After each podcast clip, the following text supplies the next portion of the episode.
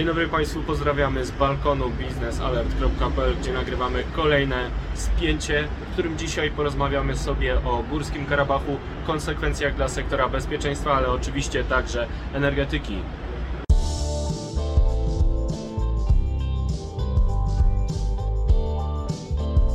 Zapraszamy na spięcie biznesalert.pl. Energetyka to dziedzina, w której nie brakuje spięć. Spięcie biznesalert.pl to program publicystyczny przygotowany przez naszą redakcję. To fuzja najważniejszych faktów i różnorodnych opinii na tematy istotne z punktu widzenia sektora energetycznego. Energia elektryczna i gaz, atom i OZE wszystkie te zagadnienia mieszamy niczym miks energetyczny dogłębnie i z komentarzem na koniec każdego tygodnia.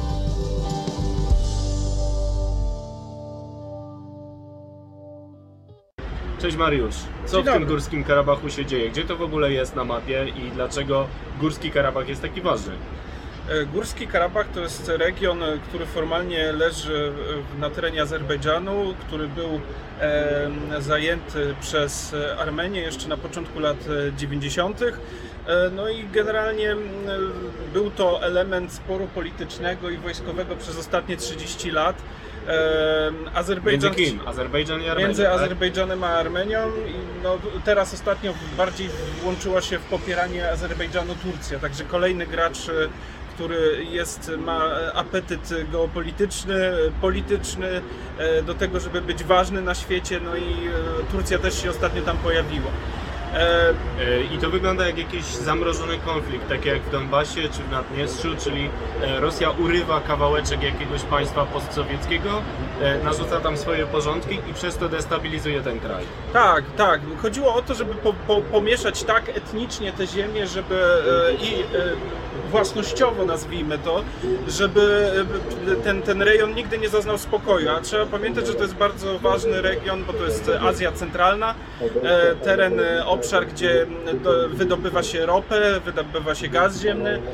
Zresztą myślę, że ty więcej o tym możesz powiedzieć. Tak, mogę powiedzieć, będziemy się przebijać przez e, różne komunikaty e, rozsyłane przez różne ciężarówki biorące udziały w różnych sporach światopoglądowych, ale to zdecydowanie nie nasz temat. Nasz temat to Górski Karabach. E, możemy powiedzieć o wymiarze energetycznym, skoro mnie wywołujesz do tablicy, no to trzeba powiedzieć, że Azerbejdżan, który bierze udział w tym sporze, jest bardzo ważny z punktu widzenia bezpieczeństwa energetycznego Europy. Może nie e, konkretnie Polski tak bardzo, jak całej Unii Europejskiej, no bo przez Azerbejdżan przebiegają ropociągi i gazociągi, które dostarczają ropę i gaz spoza Rosji do Unii Europejskiej, a właściwie e, na cały świat przez naftoporty tureckie, czy też przez ziemię turecką gazociągami e, do Europy. Ledwie ostatnio został uruchomiony gazociąg e, transadriatycki. Pamiętam jak o nim pisałem jeszcze w 2009 roku jako prawie dziecko, poznając energetykę, więc no, mm, mam taki sentyment do tego projektu. No, teraz on jest realizowany i zapewni do 10 miliardów metrów sześciennych rocznie gazu azerskiego na rynek europejski, bo TAP jest połączony przez gazociąg transanatolijski w Turcji z rynkiem europejskim e, w Bułgarii, a zatem ten gaz azerski już może docierać do Europy, czynić ró- różnice na przykład na Bałkanach, które w tym momencie są dalej bardzo zależne od gazu rosyjskiego. I chociaż to jest około 10 miliardów metrów sześciennych, czyli tyle ile Polska importuje przez rok, to e, na południu zużycie- raz. z Rosji, tak. Z Rosji importujemy 10. Tymczasem Tak. 10 z, z Azerbejdżanu Mhm. trafia e, na rynek bałkański i to jest ważne, no bo tam zużycie to jest około 7 miliardów metrów sześciennych rocznie, więc teoretycznie Bałkany można by przestawić całkowicie z rosyjskiego gazu na azerski. Dlatego e, drożność tego korytarza południowego, bo tak nazy- nazywa się ta seria projektów, jest ważna dla bezpieczeństwa energetycznego Unii Europejskiej. No i sprawa Górskiego Karabachu może tę drożność postawić pod znakiem zapytania i to też jest ważne z kolejnego powodu, bo e, gazociąg transadriatycki może podwoić przepustowość e, w przyszłości, jeżeli zostaną do niego podpięte kolejne źródła. Na przykład Turkmenistan, w sprawie którego trwają rozmowy na temat budowy gazociągu transkaspijskiego przez Morze Kaspijskie. Jest już zgoda z Iranem i z Rosją, że można budować taką infrastrukturę, no pod warunkiem, że amerykańskie bazy nie będą tam rosnąć jak grzyby po deszczu. Taki waruneczek e, oczywiście polityczny z sektora energetycznego, jak to zawsze bywa w polityce energetycznej Rosji. No i jak podepną taki Turkmenistan, a może kiedyś Irak, a może inne źródła w Azji Centralnej, to może się okazać, że e, do Europy będzie docierać gaz nie tylko kaspijski, różne rodzaje gazu z różnych części świata, dające mniejszą zależność od Rosji, na przykład 20 miliardów metrów sześciennych rocznie. I znowu dla Polski może to nie jest wielki przełom, bo my dywersyfikujemy sobie przez Baltic Pipe E, Będziemy to oczywiście robić, jak on powstanie, a już teraz dywersyfikujemy przez gazoport. Ale odpowiednik dywersyfikatora na południu to jest właśnie gazociąg Tak. transadriatycki. No i co z tym Górskim Karabachem będzie? No teraz e, e, doszło do, w połowie listopada doszło do podpisania porozumień e, pokojowych pod auspicjami Rosji, Armenii i, i Azerbejdżanu. Te dwa państwa podpisały porozumienie, w którym to Azerbejdżan jest stroną zwycięską, Armenia po- pozostała... Rzeczywiście wygrał, pokonał ich na polu? Tak, militarnie to była klęska Ormian i faktycznie jeżeli ten konflikt trwałby dłużej, to, to um, Azerowie doszliby znacznie dalej, mogliby nawet przebić się z korytarzem do swojej e, eksklawy, w, em, która znajduje się na terenie e, Armenii. E, Więc Ale czy to znaczy, że... Znaczy, dlaczego oni teraz zaatakowali w ogóle? Dlaczego nagle wybuchł ten konflikt akurat teraz?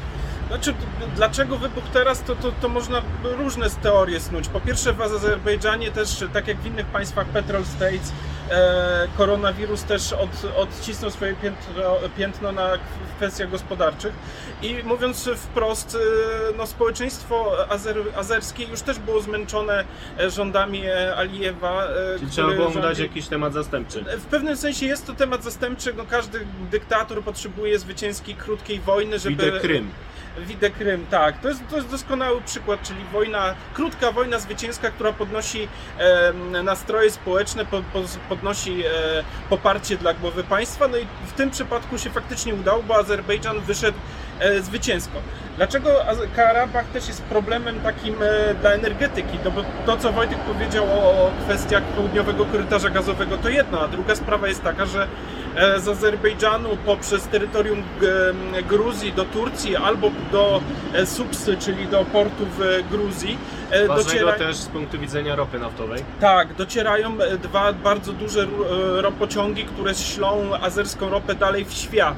Z pominięciem Rosji, bo kiedyś to robiły przez, przez Noworosyjsk, czyli port e, rosyjski i stamtąd właśnie szła azerska ropa w świat. Teraz omija terytorium Rosji i idzie przez Gruzję bądź Turcję. Właśnie dzięki projektowi dywersyfikacyjnemu wspieranemu przez Unię Europejską i Stany Zjednoczone, czyli Baku, Tbilisi, Sejżan, czyli ropociąg, który daje te dywersyfikacje. Dokładnie, to, to jeszcze ci, co pamiętają energetykę e, z 15-20 lat wstecz, no ty na pewno pamiętasz, Trochę. to pamiętasz e, tematykę gazo, e, ropociągu Sarmatia, projektu Sarmatia, który właśnie z, poprzez ten port w e, Supsie miał transportować ropę do Odessy, stamtąd przez ropociąg Brody Odessa, Brody Płock miał trafiać do Polski. No nie Piękne wyszło. czasy. Tak, nie wyszło, no ale faktycznie dla kilku państw, w tym e, Białorusi, która ostatnio bardzo dużo kupowała z Azerbejdżanu, Teraz będzie mniej kupować. Teraz będzie prawdopodobnie mniej, ale milion ton ropy w, w tym roku właśnie trafiło do, na, na Białoruś właśnie przez port Supsa e, i Odessa. Także jest To to, jaka jest Twoja prognoza? Jaka jest Twoja prognoza? Tak, żeby nasi dzielni słuchacze, którzy co tydzień się z nami łączą, wiedzieli, jak ten Górski Karabach w przyszłości będzie wpływał na energetykę. Znaczy na pewno jest tutaj element taki, kto wygrał tam, bo, bo się mówi o Azerbejdżanie, który jest oczywiście zwycięzcą, ale niektórzy mówią o Rosji jako zwycięzcy, zwycięzcy bo wprowadziła swoje siły pokojowe 2000 żołnierzy właśnie w e, Górskim Karabachu. Ja uważam, że Rosja w ogóle nie wygrała tego konfliktu. Działała bardzo biernie, bardzo aseku- asekuracyjnie. To porozumienie, e, trzeba pamiętać, że e, e, Rosja w, Armenii ma swoją bazę, 100, 102 bazę wojskową, w której już stacjonuje 5000 rosyjskich żołnierzy. Także dodatkowe 2000 żołnierzy raczej nie zmienia tego stanu posiadania. Czyli Armenia i tak jest, nazwijmy to, w rosyjskiej strefie wpływów.